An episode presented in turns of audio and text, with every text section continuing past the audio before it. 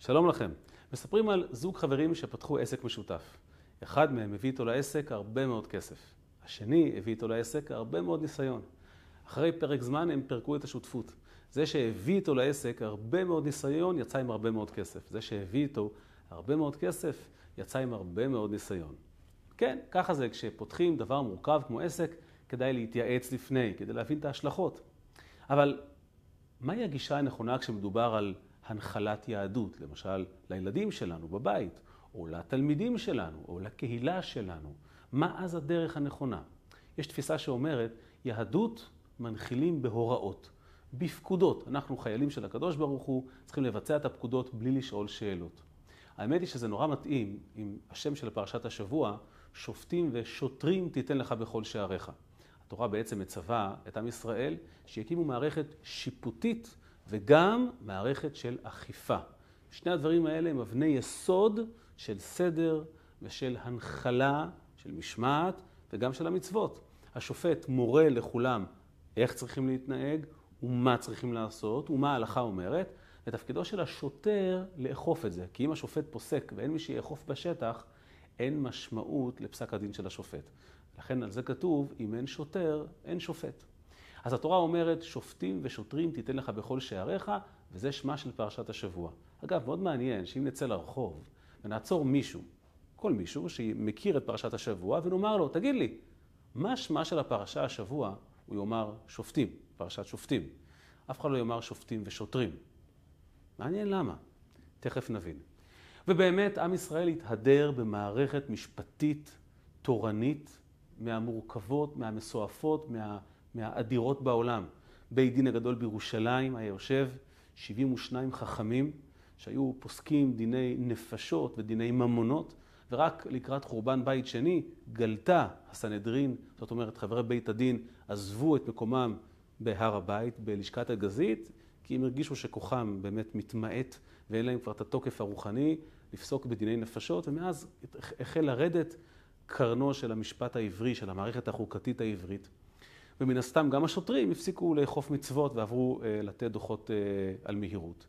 ולכן כל יהודי מתפלל בכל יום, הוא מבקש מהקדוש ברוך הוא בוקר, צהריים וערב, בתפילת שמונה עשרה, הברכה האחד עשר, השיבה שופטינו כבראשונה ויועצינו כבתחילה. תחזיר בחזרה הקדוש ברוך הוא את השופטים שהורו לנו כיצד להתנהג ואת היועצים. רגע, אמרתי יועצים. אמרנו שבפרשה הדרישה היא שיהיו שופטים ושוטרים. איך הגיעו יועצים לתמונה? השיבה שופטינו כבראשונה ויועצינו כבתחילה. איפה הם צצו פתאום? האמת היא שמטבע הלשון הזו שאנחנו מבקשים מהקדוש ברוך הוא שיחזיר את השופטים והיועצים, הוא על בסיס פסוק מספר ישעיהו. נביא הגאולה, נביא ישעיהו, נביא הישועה, הוא מתנבא ואומר בשמו של הקדוש ברוך הוא, ואשיבה שופטייך כבראשונה ויועצייך כבתחילה. בנבואתו אומר הנביא, למרות החורבן, אני אשיב, אני אשיב לתפארת עם ישראל את מערכת השיפוט ומערכת של ייעוץ. השוטרים פתאום נעלמים מהתמונה. לא עוד אכיפה, אלא ייעוץ. ההבדל בין שוטר ליועץ הוא הבדל תהומי. שוטר לא מגיע לבן אדם מנקודת המבט שלו. הוא מגיע לבן אדם מנקודת מבטו של השופט. הוא בא לומר לאדם מה הפן המשפטי ולמה האדם חייב לבצע את זה. ואם לא, הוא ייתן דוח. יועץ לעומת זאת מייצג אותך. לא רק שהוא מייצג אותך, הוא דואג שתרגיש ותבין למה הצו של השופט חשוב לך. למה לך יש אינטרס לבצע אותו, או לך. ואז הביצוע שלך נעשה מתוך תוכחה, מתוך שמחה, מתוך רצון. יועץ מייצג אותך, וזה ההבדל. אז הנביא ישעיהו בעצם נושא איתו מסר מטלטל. הוא אומר, המושג הזה של שופטים ושוטרים הוא שייך לעבר. מדוע? כי בעבר הדרך להנחיל את התורה הייתה עם מקל. בא שוטר והנחיל את התורה. אבל זה ייגמר כשמשיח יבוא, משום שאז לא יצטרכו מקל. אז יועץ יעשה את העבודה, כי אז יבוא מאיתנו. המגמה אז שזה יבוא מאיתנו. הביצוע והרצון לעשות את מה שהשופט, מה שהרב, מה שהקדוש ברוך הוא אמר. פלא פלאים. דרך אגב, האם אותם יועצים שאנחנו רוצים שישובו כבתחילה, ואותם שופטים, כמו שהנביא מבטיח, הם ישובו אחרי שמשיח יבוא או לפני שמשיח יבוא? על פניו נשמע שכשמשיח יבוא יהיו שופטים ויועצים. אז הנה הפתעה, הרמב"ם בפירוש המשניות מדייק מהפסוק המלא בספר ישעיהו, שזה לא הבטחה נבואית לאחרי שמשיח מגיע. הפוך, זה אחד מסימני הגאולה הקרבה. והוא מסתמך על הפסוק המלא. הפסוק המלא אומר כך: ואשיב השופטייך כבראשונה ויועצייך כבתחילה, אחרי כן, אה, סליחה, אחרי כן יקרא לך עיר הצדק קריה נאמנה. בעברית פשוטה, אני אשיב את השופטים ואת היועצים, ואחר כך תיבנה ותיכונן ירושלים. כך אומר הרמב"ם בפירוש המשניות. זאת אומרת, בעיני הרמב"ם, המערכת הזו של שופט ויועץ, זה שמנגיש לך את דברי השופט, הוא מסביר לך, הוא מכניס לעולם שלך את התורה והמצווה, כדי שתרצה לקיים את זה מתוך אינטרס שלך, זה אחד מהסימנים שלפני הגאולה. זה יהיה השיח ערב בוא הגאולה. זאת אומרת, היום בדור שלנו, שאנחנו מנסים להנחיל יהדות לילדינו, לתלמידינו, לחברי הקהילה שלנו, אנחנו צריכים לדעת, השוטרים הם כבר לא פונקציה. היום עובדים בדרך של ייעוץ. אתה חייב לדעת להסביר למחונך שלך למה האינטרס שלו לבצע את המשימה שאתה מטיל עליו. כדי שהוא ירצה לעשות את זה בלב שלם. למה השופט התכוון? זה התפקיד, ככה מנחילים היום מידע, בשיח, בייעוץ. זה ברמה כזו שהרבי מלובביץ' כותב באחד המכתבים שלו, שאחד מאבני היסוד של חינוך היא לגרום למחונך להרגיש חופשי להביע את דעתו. אם המחונך לא מרגיש חופשי להביע את דעתו ולא יתנהל שיח, הוא לא יקבל את הדברים. השאלה היא, האם זו נקודת חולשה או חוזקה? זה שבאמת לקראת בו משיח, אנחנו נחליף שוטרים ביועצים, אנחנו נחליף אכיפה בהסברה, אנחנו נחליף כפייה בשיח ודיאלוג, זה בגלל שהדורות נחלשו, או להפך. על פניו זה נראה שפשוט נחלשנו. היום אתה לא יכול להכריח אף אחד שום דבר. פעם יהודים היו קדושים והיו נענים לאתגר מתוך אה, אה, אמונה פשוטה ותמימה. והיום צריכים להסביר, אז הרב מלובביץ' אומר שזה בדיוק הפוך. זו נקודת חוזקה שלנו ולא חולשה שלנו. למה? משום שהמטרה של הקדוש ברוך הוא מלכתחילה היא להתמזג ולהתחבר עם העולם. כל הסיבה שאנחנו מחכים למשיח, כי אז יתממש החיבור הנפלא הזה בין אלוקות לבין העולם התחתון. מיזוג אמיתי, השתלבות של ממש, ולא כפייה. אם רצה הקדוש ברוך הוא לכפות את עצמו על העולם, מי עצר אותו עד היום? הוא יכל מזמן לעשות את זה. אבל הוא רוצה דירה בתחתונים. הוא רוצה להתגורר, זאת אומרת, הוא רוצה להיות חלק מהחומר. זו השאיפה שלו, זו התאווה שלו, כך כתוב. נתאווה הקדוש ברוך הוא להיות לו דירה בתחתונים בעולם התחתון. מיזוג שכזה, אומר הרבי, לא ייתכן בלי יועץ, בלי זה שמחבר את שתי הקצוות. שופט יכול לומר מה צריכים לעשות, שוטר יכול לכפות על חיבור, אבל אתה לא יכול באמת למזג שני הפכים בדרך כזו. אתה חייב ליצור שיח.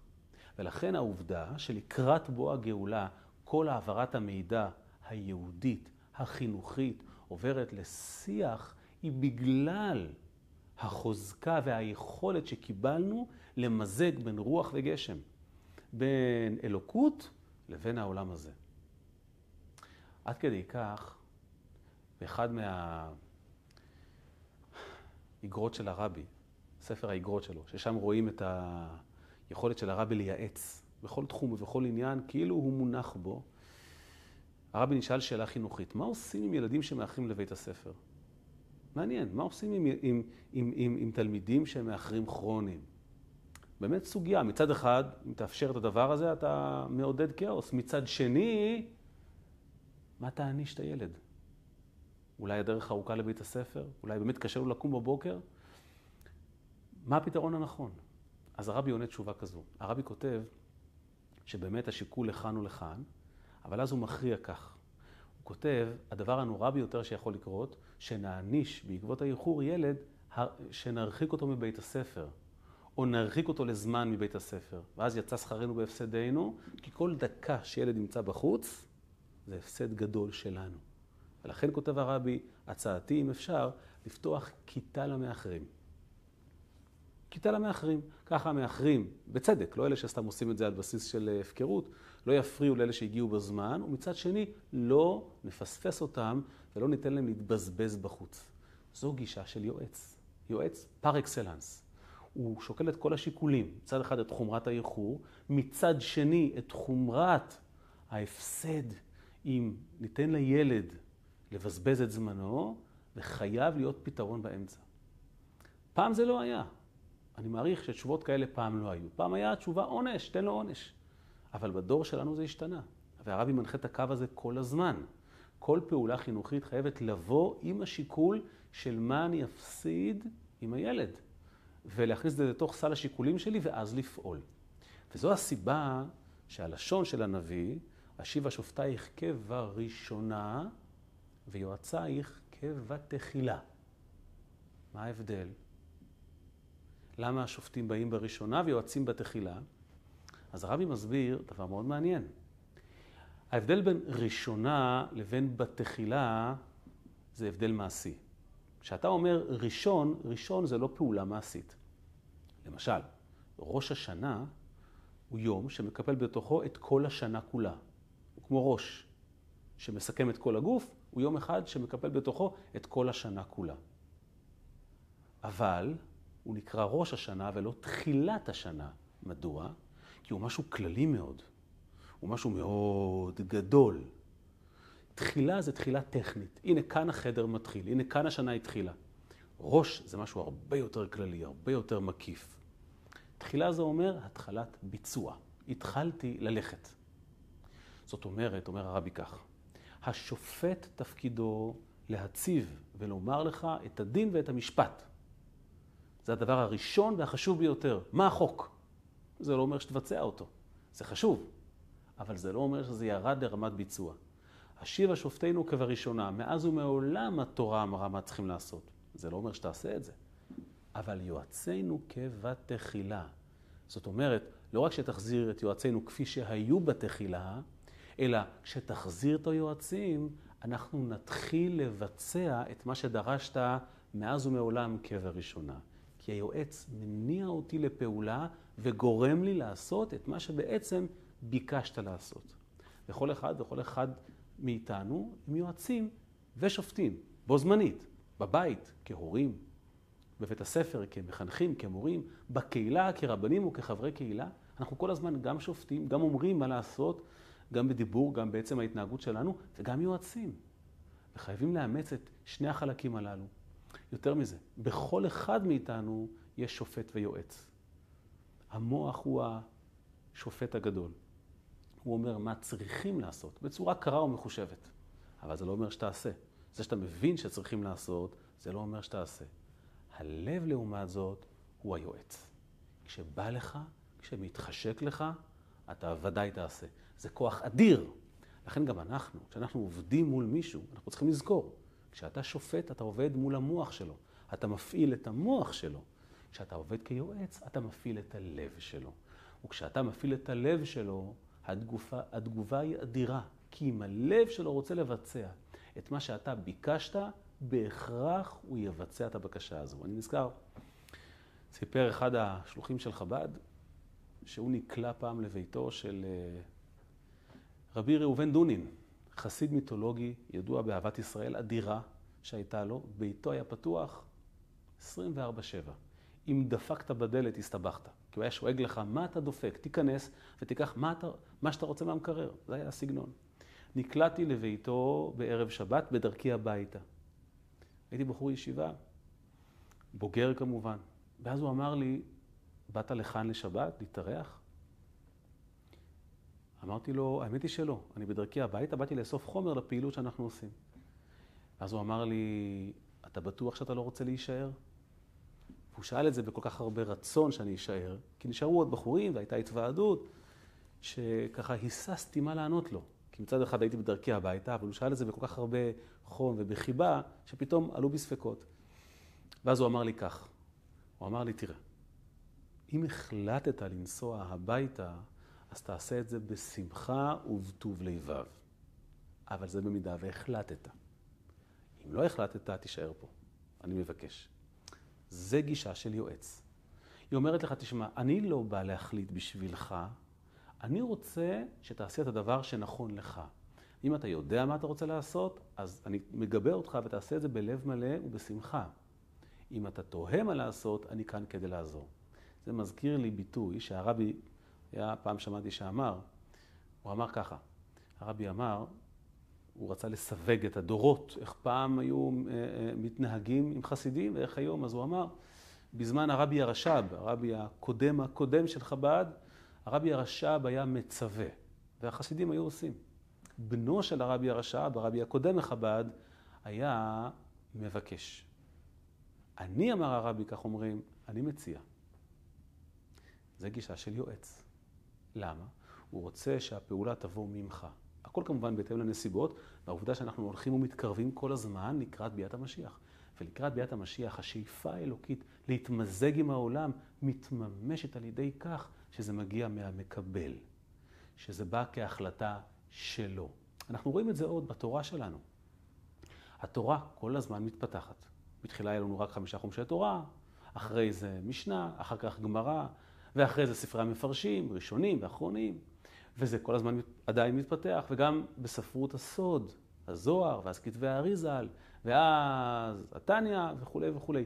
למה זה מתפתח כל הזמן? זה כאילו מישהו מנסה כל הזמן להסביר לנו את עצמו. וזה נכון, זה הקדוש ברוך הוא. הולך ומסביר, הולך ומסביר, עד כמה שיותר שהשכל האנושי יבין למה הקדוש ברוך הוא התכוון. למה זה חשוב לו? הוא מלך העולם, פשוט תגיד מה אתה רוצה ואנחנו נרוץ אחריך. אומר הקדוש ברוך הוא, נכון, יש מעלה גדולה מאוד שאתה מבצע, כי אמרתי. אבל חשוב לי שתבין, חשוב לי שהמוח שלך יתמלא בהבנה של מי אני ומה אני רוצה, כדי שהלב שלך יגיב. אני רוצה אותך. וכשאתה מגיב מתוך החלטה שלך, אתה מתחיל לעשות משהו, זה מוכיח שאנחנו עובדים יחד. כי אתה מייצג את האינטרס שלי. זה אגב ההבדל בין, אה, בין תורה לבין נבואה. זה מעניין, בתורה כתוב שופטים ושוטרים תיתן לך. הנביא אמר, השיבה שופטייך כבראשונה ויועצייך כבתחילה.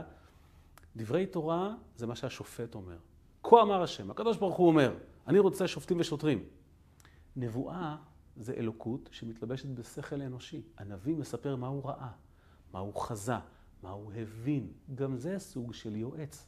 זה גם דברי אלוקות, אבל ברמה נמוכה יותר, כדי שייכנסו אל תוך ההבנה האנושיים, ולכן זה בא אלינו בצורה של סיפור או משל, ולכן שם זה הופך משוטר ליועץ. אגב, גם כשמשיח יבוא לשוטרים יהיה תפקיד, התורה היא נצחית. אם התורה אמרה ששופטים ושוטרים יהיה לך בכל שעריך, השוטרים לא הולכים לשום מקום, הם רק מחליפים תפקיד. אם פעם שוטרים תפקידם היה לאכוף בזרוע נטויה את היהדות, כשמשיח יבוא תפקידם יהיה לפלס דרך למי שצריך. למשל, כשיבואו העדים להעיד על מולד הלבנה כדי שבית הדין יקבע שראש חודש מגיע, אז מישהו צריך, מה שנקרא, לסגור נתיבים בשבילם כדי שימהרו לבית הדין, כדי שתהיה הכרזת ראש חודש מהירה, אז השוטרים יסגרו נתיבים. אז תפקידם לא נגמר, אבל הוא הופך להיות פחות מהותי בהחלטה שלנו לפעול. ולכן, בדור שלנו, שהוא דור של פעמי משיח, אנחנו על רצף של שופטים ויועצים. ברצף של שיח, ברצף של דיאלוג, ברצף של הבנה. אנחנו מצפים שמי שאנחנו מדברים איתו יבין מה אנחנו רוצים, וזה יבוא ממנו. ברמה כזו, שאם משפט שנאמר יפחיד אותו וירחיק אותו, אנחנו לא נאמר אותו. עד שהוא יהיה בשל וכלי לשמוע מה יש לנו לומר. וזו גם הסיבה שאין טעם להתווכח. כי בוויכוחים אף אחד לא מקשיב אחד לשני, רק רוצים להתנצח. כי עברנו לדבר בשפת שופטים ויועצים, וזו הסיבה. ששופטים ושוטרים, התורה אומרת, שופטים ושוטרים תיתן לך. מין אנשים אלמוניים כאלה שמנותקים מההוויית חיים שלנו. כשעוברים לדבר על שופטים ויועצים, זה נהיה השיבה שופטייך כבראשונה, ויועצייך כבתחילה. זה שלך. זו מערכת שבאה לשרת אותך, כדי שאתה תגיב, כדי שאתה תרצה. זו השאיפה האלוקית. ולכן אנחנו רואים בדור שלנו אינפלציה של קאוצ'רים ומנטורים. לא צריכים להקשיב לכולם, אבל הגישה הזו לא באה רק מתוך ההבנה האנושית של בוא נחלוק ידע. היא גם אחד מסממני הגאולה, כמו שקבע הרמב"ם בפירוש המשניות שלו, שעברנו משיטור לייעוץ, עברנו מכפייה לשיח. וזו הסיבה, דרך אגב, נורא מעניין, הגישה החינוכית עוברת כחוט השני, הגישה החינוכית של ייעוץ עוברת כחוט השני אצל הרבי.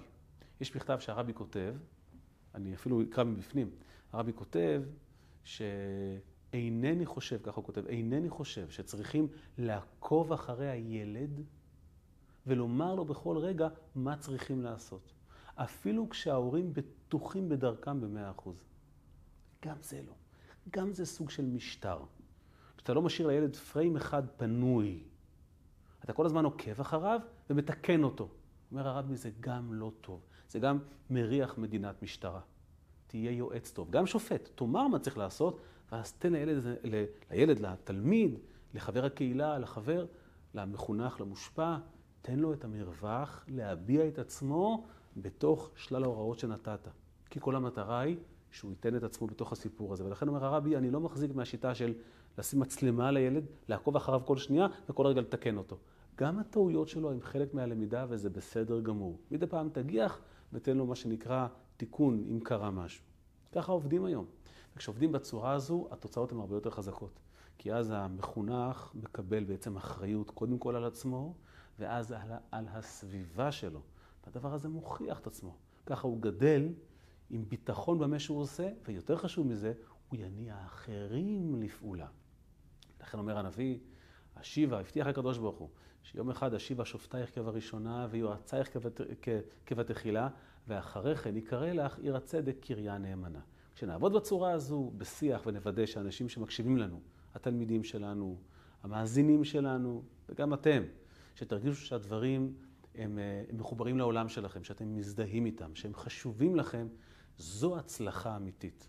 זה מה שאנחנו באמת מנסים לעשות כל הזמן בכל תחום. וזה מרמז שאנחנו קרובים ככה לגאולה האמיתית והשלמה.